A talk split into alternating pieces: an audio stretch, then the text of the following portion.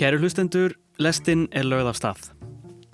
Í þætti dagsins leikriti Marat Saad þar sem allir leikarnir eru á milli sjötugs og nýraðis, drullum all fjögur og óttinn við tannleikna. Þetta getur verið bara hvað sem er en mjög mikið af lögunum sem er núna er svolítið efni sem að um, hljómsveitinnar hafa verið kannski bara átt og hefur verið uppsámnað. En það er líka bara, markmiðið er líka bara að búa til svolítið dullu út frá hversu öðruvísilt tónlistin er. En á saman tíma langar maður bara að gefa þessu fólki tækifæri til þess að stíga á svið. Þetta eru vannýttir starfskraftar, þetta er hérna fólk sem er í fullu fjöri og, og, og vill vera að vinna við listina en hérna fær kannski ekki dóla mjög tækifæri. Þetta er órögstutur ótti því flesti tannleiknar eru ljúft og fagmannlegt fólk sem er bara að reyna að gera heimina betri stað, tönn fyrir tönn fyrir tönn. Ég heiti Lóa Björk Björnsdóttir Og ég heiti Jóhannes Ólafsson og þetta er lestinn 5. daginn 19. janúar. Við ætlum að bræða okkur út úr húsi, við byrjum í borgarleikúsinu og svo heimsækjum við leikonu í Gravarvogi.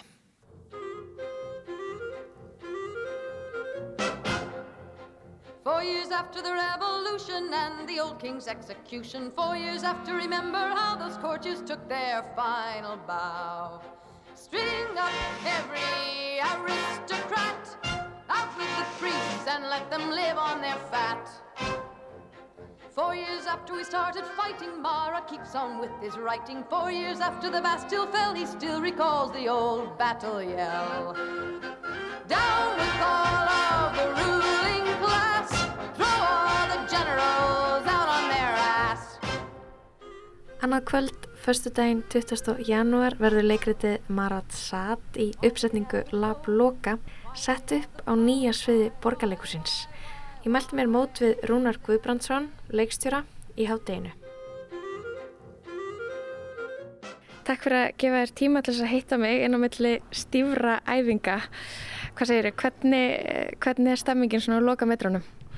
Hún er bara fín, þetta er náttúrulega búið að vera alveg stórmerkilegt eh, ferli með öllu þessu fólki og bara frábært og gaman en svo er bara alltaf eins og er á lokametrónu það er verið að binda síðustu endana mm -hmm. teknímál og svona, ljós og hljóð og já já, mm -hmm. en við erum bara í stuði Það er gott að heyra þetta leikrit, Marat Saad hvað fellar þetta um? Það er erfitt að segja frá því stuttum máli þetta er mjög marglaga og margslungið verk mm -hmm. Þetta er að segja að þetta er leikrit inn í leikriti það eru vistmenn á geðvegrahæli sem er að setja upp leikrit eftir einn vistmanna sem er markgreifið Dusat og þetta er byggt á, á sakfræðilegu staðrindum, hann er endað æfin inn á Sjarentón geðveikrahælinu -hmm. sem var þá reikið af manni sem hétt Kulmier. Og er merkilegur fyrir þær sakir að hann er oft uh, kallaður fyrsti að hann fór svona, var brauðriðandi í því að láta vistmenn uh, fást við listir og, skapandi hluti var mjög umdildur þetta er á Napoleonstímanum en þarna endaði þess að satt æfina og, og það eru heimildi fyrir því að hann fekk að semja og setja upp leikrit með vistmönnum. En svo nær það ekkert lengra þetta bara notar Pítur Weisser sem útgangspunkt í þetta verk kannski til þess að spekla sinn samtíma eða, eða eitthvað sko og hérna en þetta svona hverfist um Uh, sagan sem er verið að segja í leikritinu í leikritinu fjallar um, um morðið á Marat, Jean-Paul Marat byltingarleituðanum í fransku byltingunni þegar Corday, Charlotte Corday tók sér til og drap hann í baðkjöri mm -hmm. þannig að það er frekar einföld saga mm -hmm. af þessu morði en það gengur svona á ímsu áður en að hérna, henni tekst að stinga hann í baðinu sko, það vist menn náttúrulega eru mishæfir til að flytja leikverk og Svo er rittskoðunin í gangi, þess að yfirmar hælisins er nú ekki alls kost ánað með hvert og satt í raun og veru ætlar sér eitthvað miklu meira en bara að sína þetta leikrit. Sko. Hann er að stimulera íminnslegt hann inni og koma sínum hugmyndum og skoðunum á framfæri mm -hmm. og stýgur sjálfur inn í verkið og á í mikill orðuræðu við Mara í baðinu og það eru kannski svona kristallast helst pólitísku átökin í verkinu. Þetta er svona einfaldri mynd tala um kannski einstaklingshyggju versus félagshyggju. Þannig að orðræðan er mjög, hún er bæði pólitísk og hún er heimsbyggileg og ljóðræn. En svo er það öll þessi uppbrott þegar sjúklingarnir eða vistmennir eins og við kjósum að kalla það uh, því að á þessu hæli voru var alls konar fólk sett inn sko. Þetta er náttúrulega fyrir daga nútíma sálfræðinar, svo heitir ekkert mættur á svæðið og hérna þannig að var sett inn allskins fólk bara sem var samfélaginu erfitt sko. Náttúrulega eins og satt sjálfur, er gaman að því að hann hérna Það voru alveg þrjár samfélagsgerðir sem að þóldan ekki sko, þannig fyrst í konungsríkinu, svo kemur líðveldið, svo kemur keisaratímin og alltaf var hann lestur inni sko.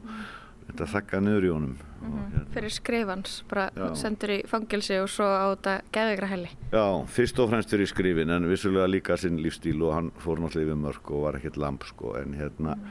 en aðalega var þetta fyrir skrifin, bara hald honum fjari og, og, og hérna, og fengi hennar stimpil á sig náttúrulega að vera bara fyrst í klámhundurinn og nafni hans er satismi dreyiði náttúrulega orðið og, en svona setjum tíma rannsókn hann leitt í ljósa Martaði sem var að skrifa er alveg stór merkjöld, það var að mörguleiti mjög frjór uh, hugur og framsýtn og rótækur sko mm -hmm. en það er svona náttúrulega sett skugga yfir þetta allt saman þessar svona kynferðislugu pælingar hans mm -hmm. sem hafa farið fyrir brjóstuð á fólki og hérna Já, já, en það er þannig að það er snert á ymsi þessu verki eins og rýtskoðun, innilokun, útskúfun, mm. þökkun og, og allt þetta, mörg og markaleysi, þetta er náttúrulega, fólkið er þarna að uh, takast á við ímislegt.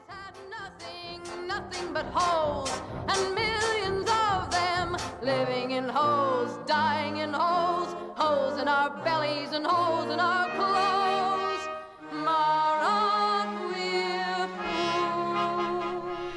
Allir leikararnir í leikritinu eru á aldrinum 70 til 90 ára. Má þar nefna leikar á borð við Arnar Jónsson, Egert Þorleifsson, Árnar Pétur Guðjónsson, Kristbjörgu Kjeld, Margreði Guðmundsdóttur og Þórildi Þorleifsdóttur. Ég spurði Rúnar af hverju hann valdi að vinna með leikurum á þessum aldri. Það er kannski tvíþægt, annars er það bara eigingindi, mér langaði rosalega mikið að fá tækifærlega að vinna með þessu fólki, þannig um margir snillingar og, og, og stórmiklut fólk og mikil reynsla og allt það. Mm. Það kannski kveitir svolítið í mér bara það að mér langaði til þess, en á saman tíma langaði mér bara að gefa þessu fólki tækifæri til þess að stíga á svið. Mm. Þetta eru vannýttir starfskraftar, þetta er hérna fólk sem er í fullu fjöri og, og vil vera að vinna við listina en hérna fær kannski ekki dóla mörg tækifæri. Mm -hmm. En er ekki líka eitthvað sögn í því að sviðsetja eldra fólk einmitt setja þau inn á þetta hæli? Jú, jú, það er það augljóslega þó við séum alls ekkert að undirstryka það eitt eða neitt það er náttúrulega bara upp í höndunum og áhörundunum mm -hmm. þetta fjallar um jaðarsettan hóp fólk sem er búið að loka inni og, og, og hérna við vitum náttúrulega alveg hvernig ástandu er í þeim álum hér á landi alltaf hérna, verkilegar hérna lítgerinnar Sigrúnar Borgvinsdóttir sem hún skilgreinir bara mikið af okkar hérna, sem sagt, heimilum sem reynilega bara total institution eða fangelsi sko. Mm -hmm. En það er nú ykkur í verkinu sem að hafa leikið í þessu leikriti áður. Hvernig kom það út að fá leikara sem voru að gera þetta í annarskipti? Jú, það var náttúrulega hugmyndin komið, þeir eru með datið jú að gera þetta svona og leita til eldri leikara, þá náttúrulega bara fyrstir með datið jú Margrit Guðmundsdóttir, stór leikona mm sem er í fantaformi þá sé hún 90. aldursári að hún leik Corday þegar þetta var sett upp í þjóðleikusinu 1966 fyrir 55 árum síðan sko og hún alltaf núna endur taka leikin og það er hérna það er alveg frábært sko mm -hmm. hún hefur bara sennilega batnaði við eitthvað er með áránum Ég hafði upp á einum meðlemi leikópsins sögulega. Ég heiti Júlia Hannam er eftirnafni mitt. Í síningunni Maratsat þá er ég hluti kórs og ég er ónafngreind þó að ég vilji kannski bara heita Juliette eða eitthvað þannig, eitthvað frans, upp á fransku að þið leikritið fjallar um fransku byltinguna og hluti sem gerist í kringum hana. Ég lærði leiklist í San Francisco. Hvenar? Uh, áranum 77 til 79 þá var ég í skóla sem að hétt States Group Theatre í San Francisco það er ekki langt síðan þú varst senast á leiksviði. Þú ert ekki eins og sumir í leikofnum sem að eru að, að rifja upp gamla takta eftir kannski margar ára hlið. Nei, það er rétt hjá þér. Ég er búin að vera að starfa með leikhúslistakonum 50 plus, kallum okkur, mm -hmm. og hérna við gerðum rétt fyrir COVID tvær síningar í þjóðleikuskellaranum. Fyrst var síningin hérna Dansandi ljóð gerðarkristnýjar indisleg síning fannst okkur allavega og fleirum. Svo í beinu framaldi þá síndum við konur á krínulín sem við hafðum reyndar frumsýnd 2017 á menningarnótt held ég ef ég mann rétt frekar en 17. júni eh, það var í Yðnó 2017 svo afðum við hann upp og, og hérna, endur bættum Hvernig er ferlið í Marat Sat búið að vera? Var eitthvað sem kom þér á óvart?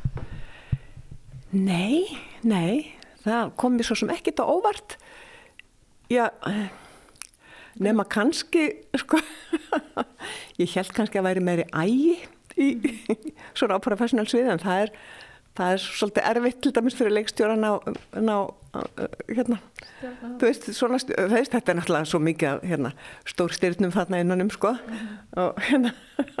Já, þetta er stjórnum pritt síning Þetta er stjórnum pritt síning og alveg dásanlegur hópur. Mm -hmm.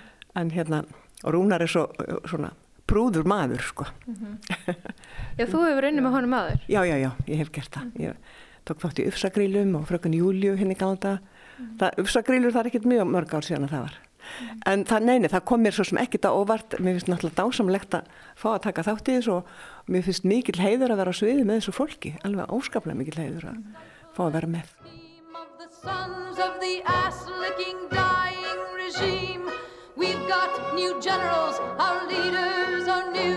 They sit and they argue and all that they do is sell Já, það er bara þannig. Þetta er, ég hef nú alltaf haldið mikið upp á þetta verk. Þetta er enda skrifað 1963 mm.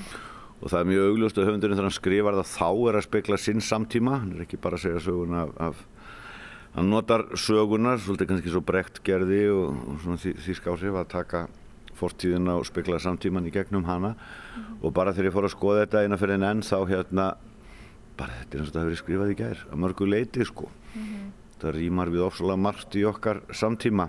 MeToo og alls konar hluti sem er í gangi. Og náttúrulega eilífa misskiptingu auðsins og allt það sko bara pólitíkunum og komið stríð í Evrópu. Mm -hmm, mm -hmm. og hérna þetta er komið mikið inn á stríðsrektur og stríðsböld og verðhækkanir í kjölfar þess og allt þetta sko. Þetta er svona stundu þegar við vorum að lesa alltaf með saman bara. Mm -hmm. þá bara var fólki ótt og orðið þetta er bara eins og það hefur skrifað í gerð Þú að vinna með leikús grimdarinnar í, í þessari uppsetningu? Kanski ekki svona beint meðutuð á markvist en það er svona þau áhrif liggja bara ásala mikið í verkinu sko mm. því að sko átökin þessi annars vegar sem eru í efninu þessi átök Mara og Sad sem er svona auksullin og svo yngripp hælistjórnans rittskoðunar valdið sko að þá eru líka átökin í forminu og þetta er sem sagt annars vegar rosalega formfesta svona á, á brektískan hátt eða svo, svo ykkur skonar lausung sem að já, mætti kannski reyka til grimdaleghúsins Artó og, og svona já, þessi uppbrott þannig að stílarnir tókast á líka sko, ekki bara orðuræðan heldur formið Hvað er leikurs grimdarinnar? Hvernig myndir þú útskýra það? Kennara spurning það er svo erfitt að útskýra svona hluti í stuttumáli og jáfnvel bara erfitt að útskýra þá mm -hmm. en það var nú margir miskili þetta með grimdinans Artó og haldið að það gangi allt út á eitthvað reynd ofbeldi og, og læti og þetta sé svona ykkur horror en, en svona dýstunum baka það er náttúrulega bara hvernig maður bregst við grind heimsins og heimurinn sé, hans lífsíma svolítið svo heimurinn og lífið væri bara ósláð grind mm -hmm. og þar er nú svolítið samstíga satt, markundur satt og, og og Artó þetta með hvað náttúrun er miskunarlaus og, og lífið bara og, og, og hlutskipt okkar og mannskeppnan í raun og veru bara grimm og mm -hmm. og svolítið brjáluð. Erum við að fara að sjá er þetta svona ofbeldisfull síning eða er svona, ég menna vistmenn og geðugra heili setjum leikrit um fransku byltinguna og morð og ofsóknir og marra svona hljómar eins og við sem að fara næstuð inn í eitthvað svona splatterverk Nei, það er alls ekki þannig, ekki, ekki uppsetningin sko. Hún er því að þessi formfesta sem er á, á mörgum hlutum þarna og það er ákveðin svona klassíst yfirbræði yfir þessu öllu og uh, eins og hjá hérna Gríkjónum gamlu þá gerist náttúrulega ofbeldi utansvið sko. Nei, nei, þetta er ekki beint splattir, það náttúrulega er ofbeldi og ógn og þetta er allt þrungið ykkur skonar ógn og þessi innilókun og, og við finnum vissulega fyrir því en og jújú, jú, það eru smá átök og, og hérna á, átök og grimd en ég myndi ekki flokka þetta undir splatter sko. Nei, ok. Ekki mikill hasar. Nei, ekki mikill hasar. Mm -hmm. Það hefur kannski verið svolítið flóki verkefni með leikar á þessum aldri. Já, já, það getur vel verið að það hafi, þetta hefur voru allt öðruvísi síning með yngri leikurum sko. Auðvitað, hérna, tökum að miða af hópnum og þau fara bara aðra leiðir og búa til grimdina með öðrum hætti og, og hugnaðin og they hunt you down. The bloodhounds are sniffing all over the town. Just yesterday. Ég held að hafa nú bara gengið ákveðlega. Ég held að þetta fylgi alveg svona planin hans rúnar, sko. Hann er nú ekki að leggst þér í fyrsta skipti, hann kann sitt fag. Og hérna, já, það gengið bara mjög vel. Auðvitað, þú veist, er maður stundum stressaður og það var eitthvað tímabil sem að ég var alveg í vandræðum og allt í hennu var ég búin að týna karakterinu mínum og vissi ekkert eitthvað neginn hver, hvar ég stóði að hvað ég ætti að gera. En það er mjög algengt að það gerist svona 2-3 veikum fyrir frumsýningu. En svo held ég hafi fundið hann aftur. Við skum sjá til hvernig það fer.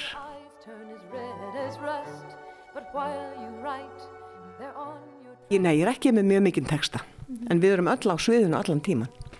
Já. Já. Og það fyrir mikið. Þannig að það er mikil, mikil orka í það og, og miklar, þú veist, þú ert alltaf, fókus. Hvað heldur þú sérst búin að vera að leika í mörg ár? Alveg frá byrjun. Já. Hvernig leika? Mástu hvernig þú leikst fyrst?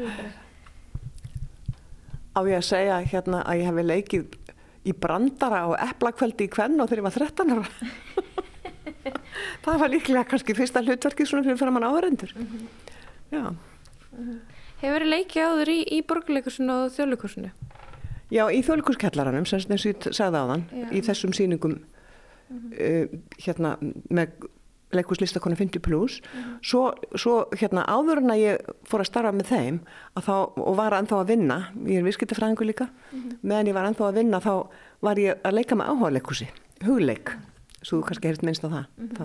Og við vorum í einn þrjú ár með ennþáttungaprógrum, en þá var ég sérst að leika í þjóðleikurskallaranum, ég hef aldrei leikið á stóra sviðinu og ekki í kassanum. Er, er það draumur? Draumur, Já. ekkit frekar en borgarleikusir. Nei. Það búið að góður andi upp í borgarleikusir. Ég væri alveg til í að eiga heimaðar. Það er næst það. Já, ég bara býð eftir að, hérna, kannski er minn tími komin, hver veit. Eru þið búin að stilla ykkur saman hópurinn fyrir kvöldið? Það genur alveg kvöld og svo er frumsýning á morgun. Eru þið komin í rétta gýrin? Við erum allavega komin í gýr. Það held ég, það held ég, það finnst mér. Maður er svona, maður finnur aðeins svona, þú veist, spennun að aukast. En þetta reynir maður að slaka samt inn í hana, sko. Það hefur ekkert verið erfitt fyrir hópin að læra allar línuna sínar. Er, Það er ábyggilega, sumir er nú með ansið mikinn texta og það er alveg ótrúlegt hvað hérna fólk hérna getur lært mikinn texta. Það eru kannski aldursfordómar hjá maður í þessari spurningu. En maður hugsaður að eitthvað sé orðin nýraður að það sé kannski erfiðar að læra texta heldur en tvítur. Það, ég held að það sé bara misjönd. Sko hún Margrét Guðmundsdóttir er að verða nýræð og hún sko þylur heilu mónologana á nokkura vandamála. Arnar er sko að verða áttræður og hann þylur sko heilu blaðsíðunar á þess að rugglast. Þú veist, skilur, þetta er bara misjönd. Svo fer það fyrir líka svolítið eftir hvernig text er skrifaður, hversu auðvilt er að læra hann. Sumi söngtekstarnir eru svolítið bögl, þú veist, ekkit svakalega svona mikil uh, ljóðlist, hvernig á ég að segja það?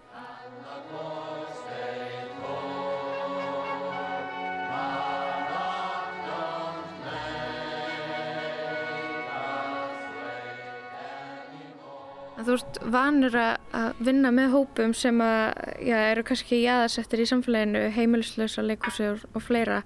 Hvað dregur þið að því að, velja þessa hópa til að vinna með?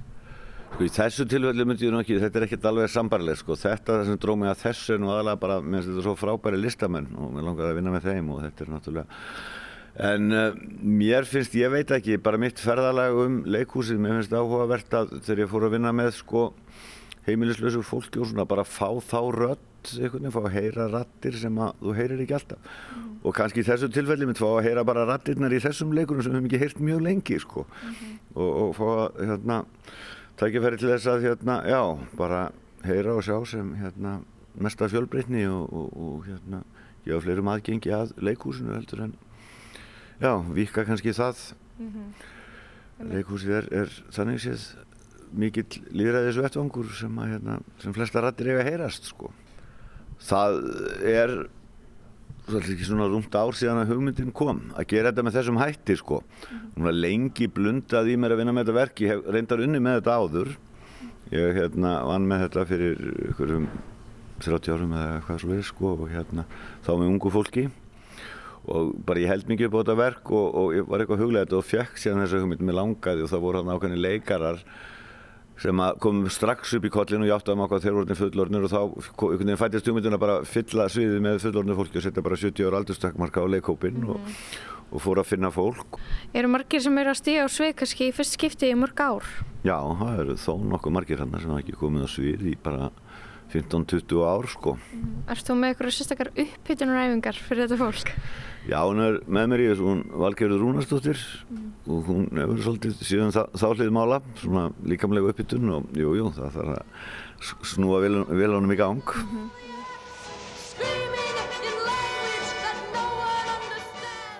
Ég herði í dag upp í borgarleikusi að, að þetta væri söguleg síning. Liðir þannig þegar þú ert að æfa að þú sett í, í já, sögulegri síningu? Já, já, mér liðir þannig. Mm. Þess vegna finnst mér alveg stórkoslegt að fá að vera hluti af henni. Mm. Stórkoslegt. Ég segi bara góð skemmtun í kvöld og morgun og gleðilega frumsynningavíku. Takk fyrir spjalli, Júlija Hanna. Takk helga fyrir mig.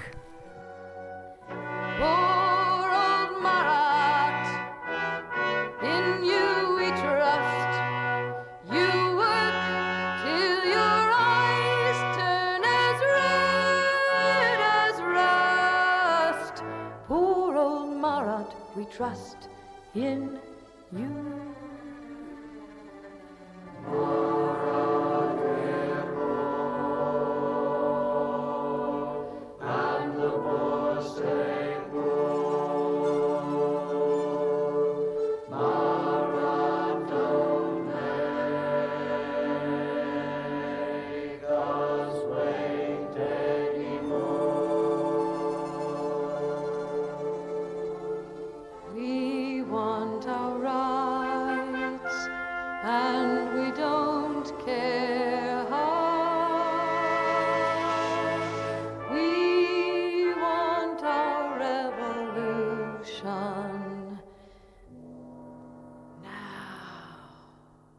Lægið Marat Sat með Judy Collins við rættum þarna við leikonuna Júliu Hannan og leikstjóran Rónar Guðbrands en þau fremsýna á morgun Marat Sat í borgarleikusinu.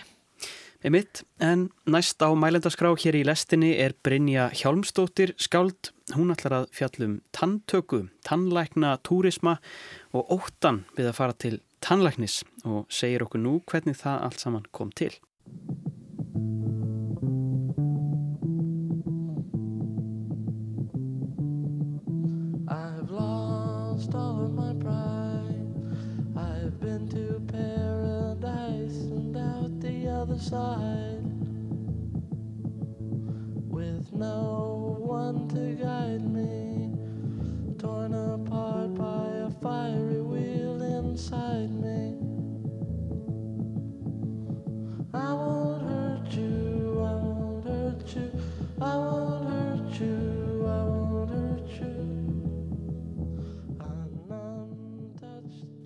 Fyrir nokkrum árum held ég til borgarna Kraká í Pólandi þar sem ég dvaldi í tvo mánuði yfir skriftir.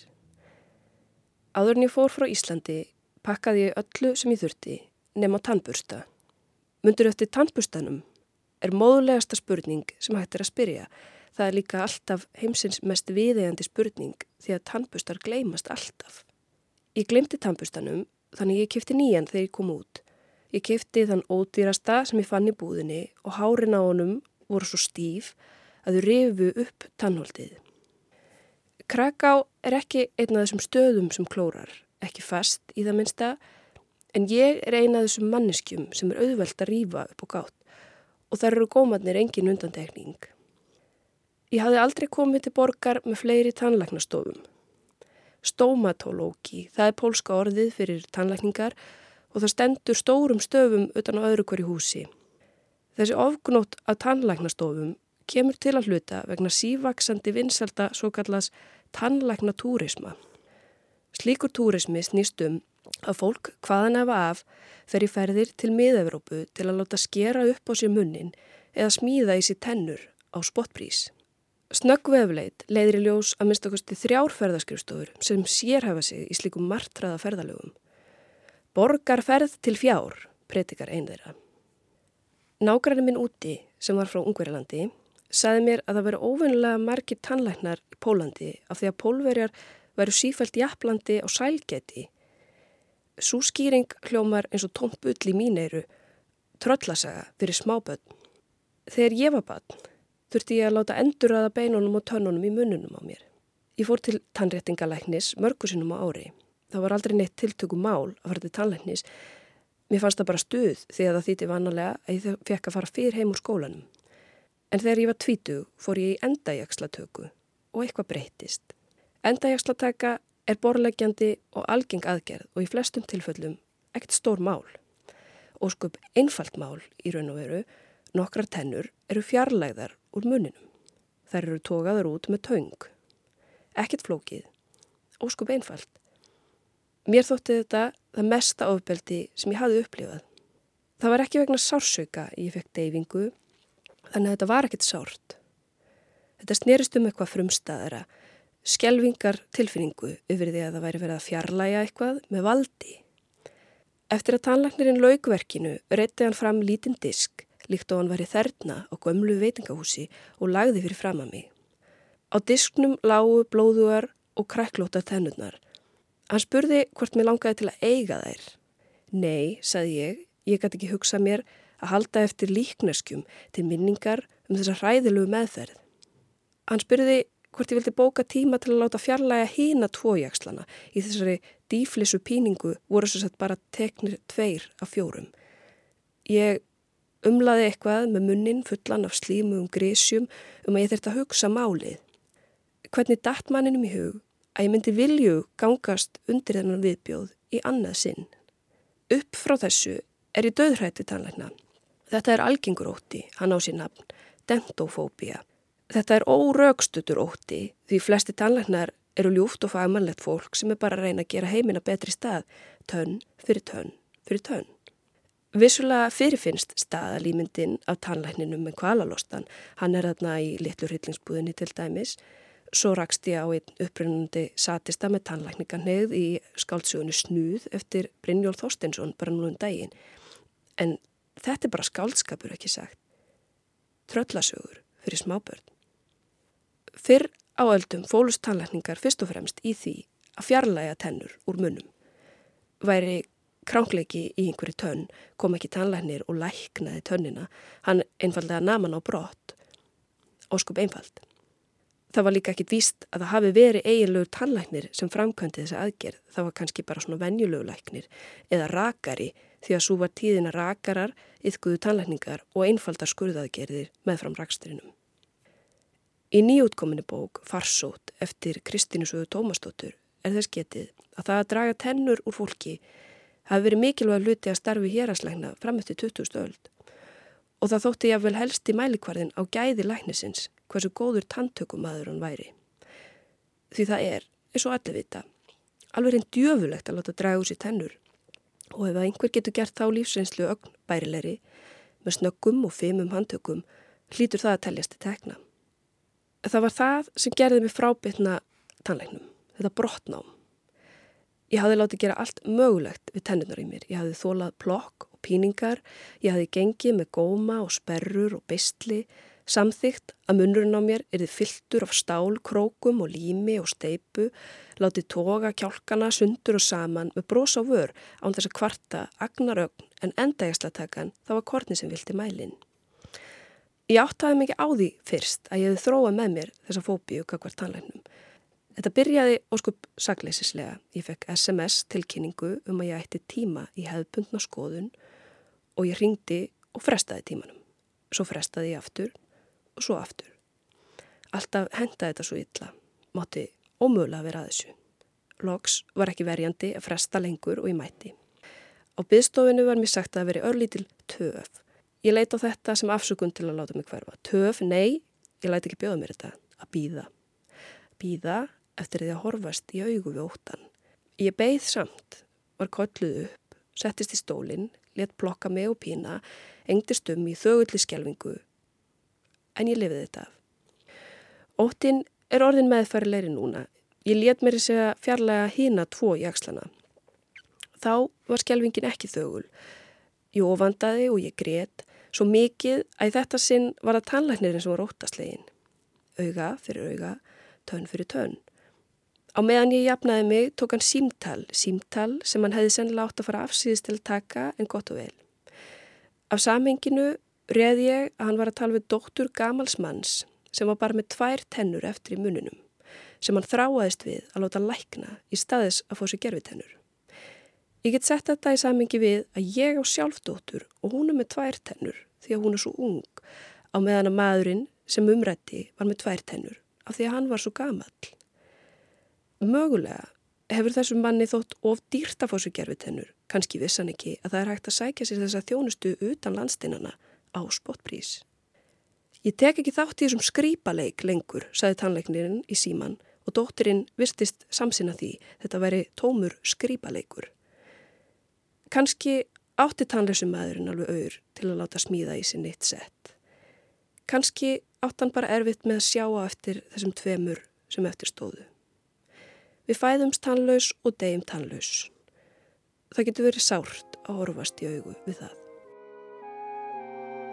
Svangir bræður sitja hér, sælan löngu liðin er, enga ögnar hér að fá, ekki þarf að því að gá, bátt er okkar búi, past og heimt og sultur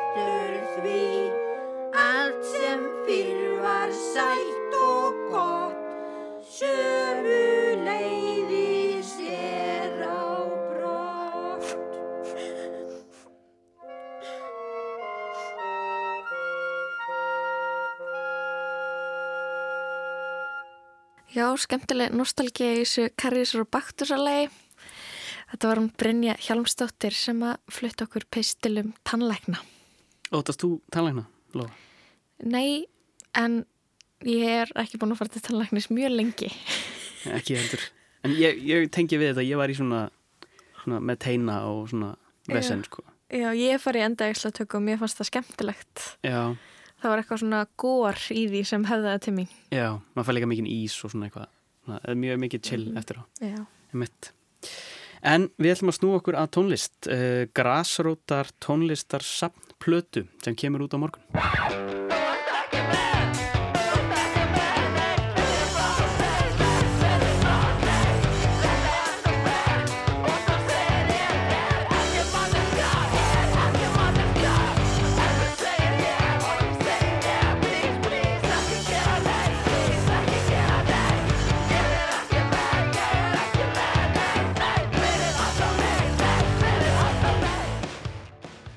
Postdreifing er listahópur eða hreyfing sem skipuð er ungu listafólki úr ólíkum áttum grasrótar listastarfs í Reykjavík.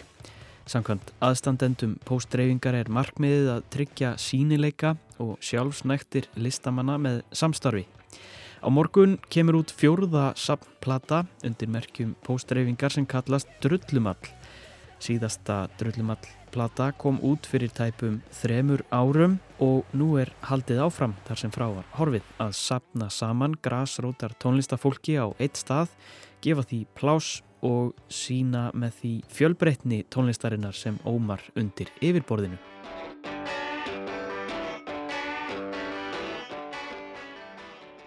Tónlistarfólkið á drullumalli er fjölbreytt, hljóð upptökurnar eru fjölbreyttar og fólkið sem stýrir verkefninu er það líka.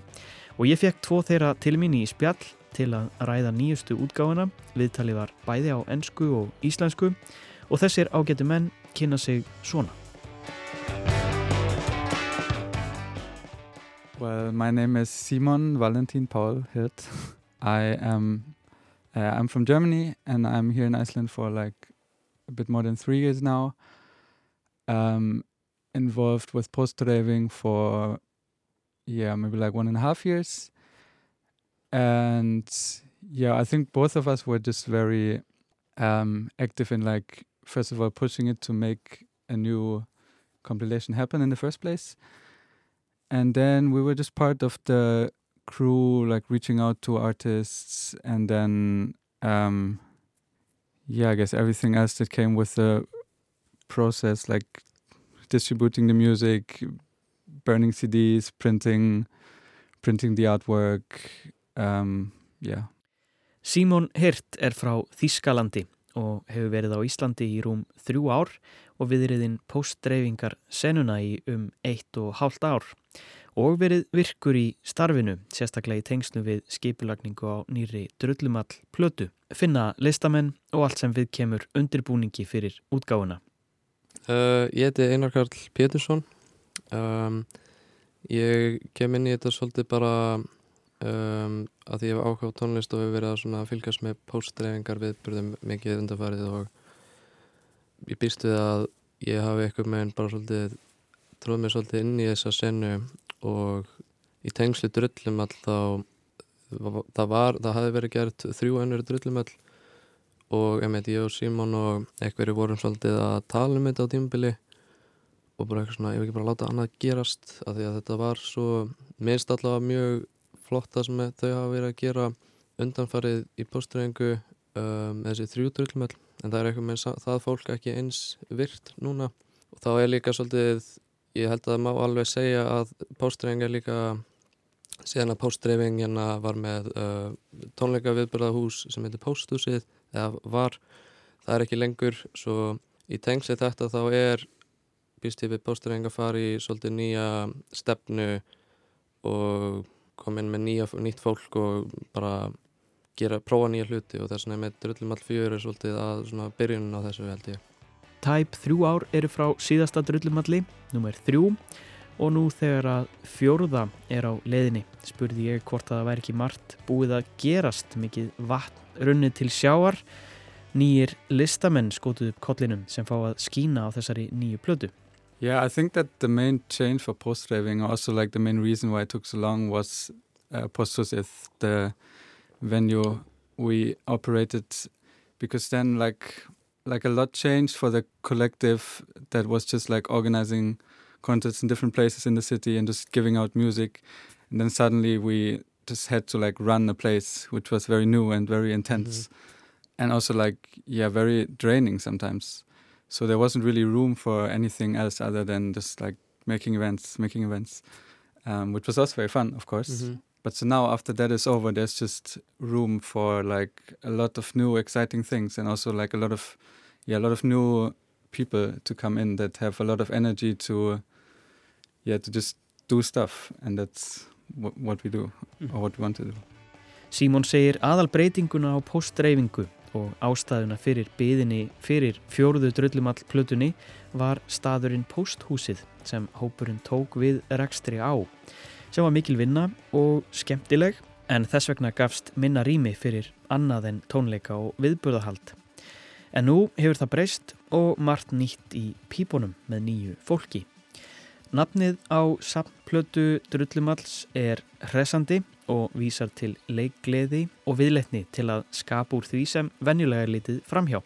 Símón segir orðið lýsa vel starfinu og hugmyndafræðinni þar á bakvið. I think that's also probably just the idea of the compilation too because like like most of the artists don't really have like resources to release music or like haven't released anything before mm-hmm. so the idea of it is also apart from just like giving a general idea of the scene to just give people a, a chance to release something and like have a song out um, together mm-hmm. with other great songs so yeah I guess the word fits Flesti listamenn á plötunni hafa ekki fjármagn til að gefa út eða hafa ekki gefið út áður Því er þetta góður vettfangur til að gefa út við hlið annara listamanna og drullumall því bara viðegandi orð. Það er einmitt mjög svona uh, mikið af tónlistinni sem að fer á drullumall og líka hefur verið á drullumallsplötum er ekkert endilega eitthvað svona, það er ekkert endilega svona kvot og kvot góðar upptökur eða neitt hannig en ég man að það var eitthvað lag á einni plötu sem var bara eitthvað svona æfingar upptaka eða eitthvað. Mm -hmm svo þetta getur verið bara hvað sem er en mjög mikið af lögunum sem er núna er svolítið efni sem að um, hljómsveitinnar hafa verið kannski bara átt og hefur mér uppsánað en það er líka bara markmiðið er líka bara að búa til svolítið dullu út frá hversu öðruvísil tónlistin er Í dag er það vissulega auðvelt að taka upp tónlist og gefa út á netinu í streymi. Það þarf heldur ekki að vera heilu plöturnar, geta bara verið stök lög. Er samplata viðbræði við því eða hefur hún alltaf verið ja, mikilvægt til þess að sína þverskurð af græsrótarstarfi í tónlist? Ég myndi allavega að segja að hérna, drullum all, uh, ég held að það sé mikilvægt að hafa eitthvað svona samplötu sem uh, sýnir fram að þetta sé hægt eða svona eitthvað meginn og að þetta er allt uh, fólk sem er kannski að taka bara heimi á sér og ég held að sé að ykkur leiti ég á alveg rétt að þetta sé svona þetta sýnir svona fram á að það er hægt að kollektíft gera tónlist á svona hátt mm. ef það meikar eitthvað sens -hmm. Yeah, I guess like also the concept of a compilation is also like very fitting to what we do as a collective, I think, because it's just mm about you know doing something together and especially to help each other out. And i think there's like a lot of artists also on this one now that you know maybe recorded some music at home but were never really thinking of re releasing them or didn't really know how to. And this is just a nice project to show people that um, like if you have something you can just like mm -hmm.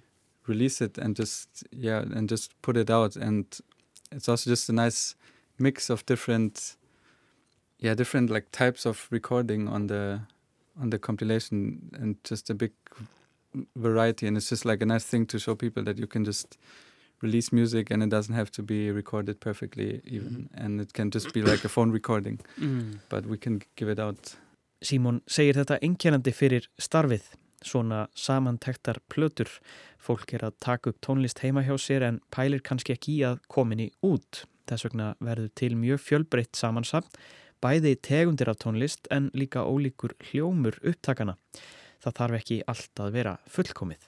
Þegar við vorum að setja saman í þessa drullumallplötu þá hefðum við líka verið að skoða bara næstu drullumallplötu sem væri drullumall 5 af því að við vorum, það er, bara, það, er það mikið af tónlistarfólki sem er frábært fattur, og það er svo erfitt að kondensita í eitthvað eitt að því, að því það er svo mikið verið að gerast það er svo mikið í gangi. Mm -hmm. svo allavega það er svona það væri allavega, mér þetta er allavega gott að það væri bara annað drullum allavega næstunni vonandi. Þannig að eins og þegar ég spurði ykkur varandi sko, hvað er búið að vera að gerast á síðustu þreymir ára, það hljómar þetta eins og það sé uppsafnað. Já, það er mjög uppsafnað Mjög mikið uppsafnað, það er náttúrulega COVID-tímumbilið þarna í, í, mildtíðinni og það er kannski bara stapli af blötum Og það er bara ógeðslega mikið að vinna hljómsendum, já. En dröllum all líka bara, ég held, að, ég held að það sé líka bara gott að þetta sé, að því að við, við líka settum saman tessaplötu áfrækast eftir tímabili, svo þetta eru all lög sem eru með svolítið, uh, voru svolítið tilbúin, svo já, mark, eða svona, allavega mínum að þetta væri markmiðið að hérna bara gera mörg dröllum all bara ef hægt, mhm. en það er einmitt, það getur verið svolítið erfittverðli og hérna, og þetta hefur sínt fram að við ætlum að kannski, við vorum eitthvað svona að reyna að gefa út fyrr en það mun koma út, mun koma út á morgun drullumall um, svo þetta búið að vera svolítið svona, já, erfitt og langt verðli en, en á mjög stuttum tíma. Og það er alltaf það sem er líka bara mikilvægt þetta á ekkert að vera eitthvað flókið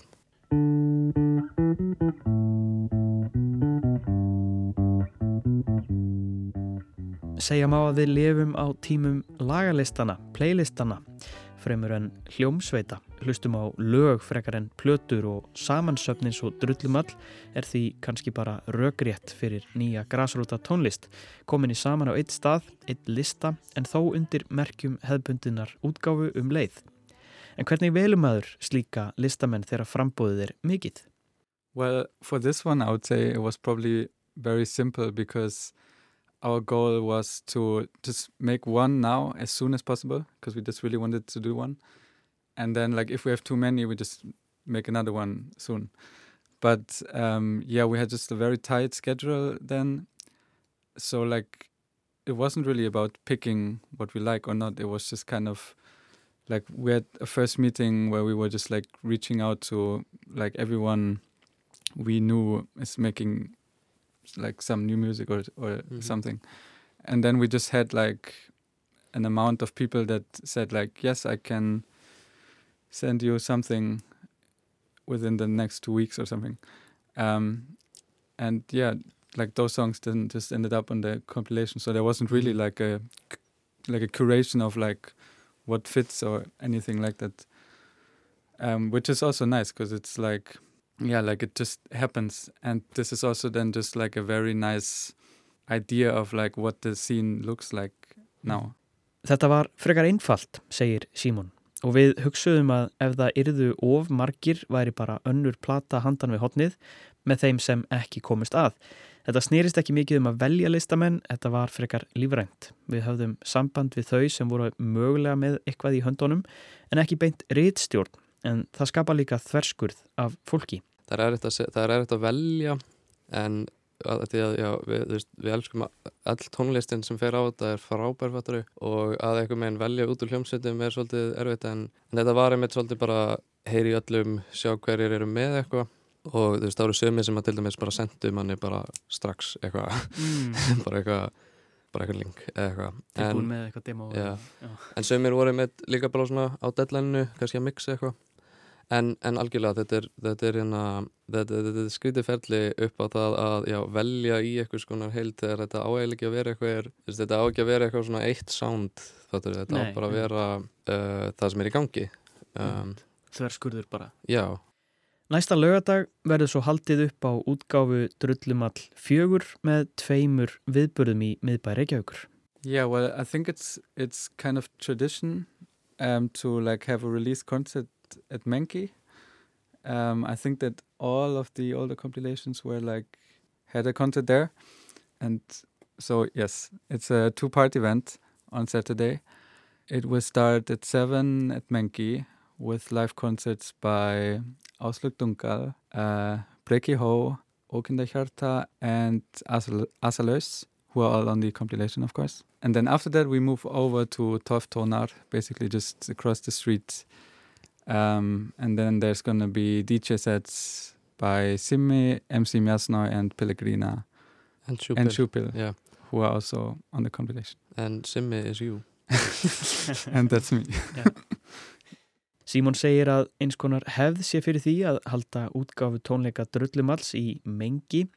Þetta verður því tvískipt á lögadaginn. Byrjar klukkan sjö í Mengi þar sem koma fram áslög Dungal, Breki Hó Ókinda hjarta og Asalaus sem öll eru á plötunni en síðan verður haldið yfir göduna í 12 tóna á skólaugurustík þar sem koma fram plötusnúðarnir Simmi, MC Miasnói, Pellegrina og Síopill.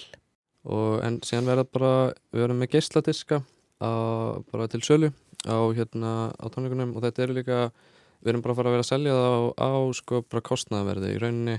Að því að póstræðing er ekki, eða svona útgáða sérstaklega er ekki um eitthvað svona hagnað.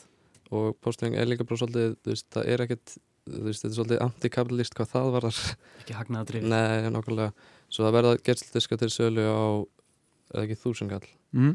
En síðan um, og síðan sko tónleikarnir sjálfur og það er sama með alla tónleika sem póstræðing heldur er það er mælt með að borga inn bara eitthvað, eitthvað gjald eins og núna verður 2500 króna innkomi gjald en það er það, það þarf engin að borga ef að eitthvað er ekki kannski góður uh, hagsta nú mikið peninga eitthvað svona fattari það er bara, þú bara mætir eða mætir en ef þú getur þá er náttúrulega bara velkomið að uh, donata uh, Simon and Einar, good luck and have fun at uh, Drullumall, Drullumall number 4 Takk fyrir.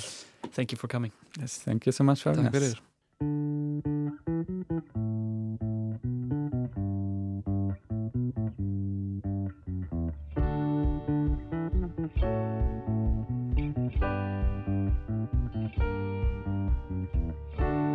Maðurinn á skjánum Aldrei fjekk að finna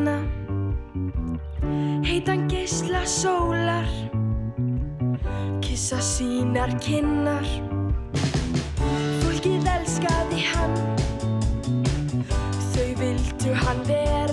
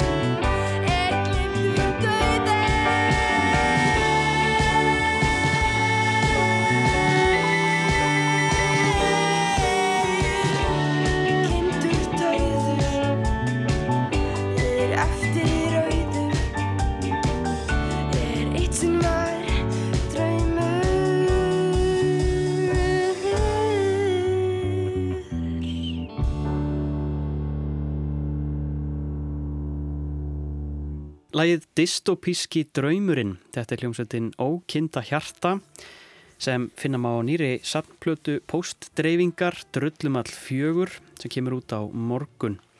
Við heyrðum líka í byrjun Íslags lægið Ég með trailer Todd. Það er mikil gróska í gangi og þessu verður fagnað í mengi og tólf tónum á lögadaskvöld. Skemmtilegt að vera eflust mikið stuð en Jóhannes, við erum bara komin að leðalögum í lestinni í dag og reyndar þessa vikuna. Það verður þátturinn að næsta mánudag á sama tíma en auðvitað þetta hlusta á okkur hvena sem er í spilaranum og öllum helstu hlaðvarpsveitum. Tæknum væri í dag var Kormokur Marðarsson við Jóhannes og Lóa. Þökkum fyrir okkur. Verið þið sæl.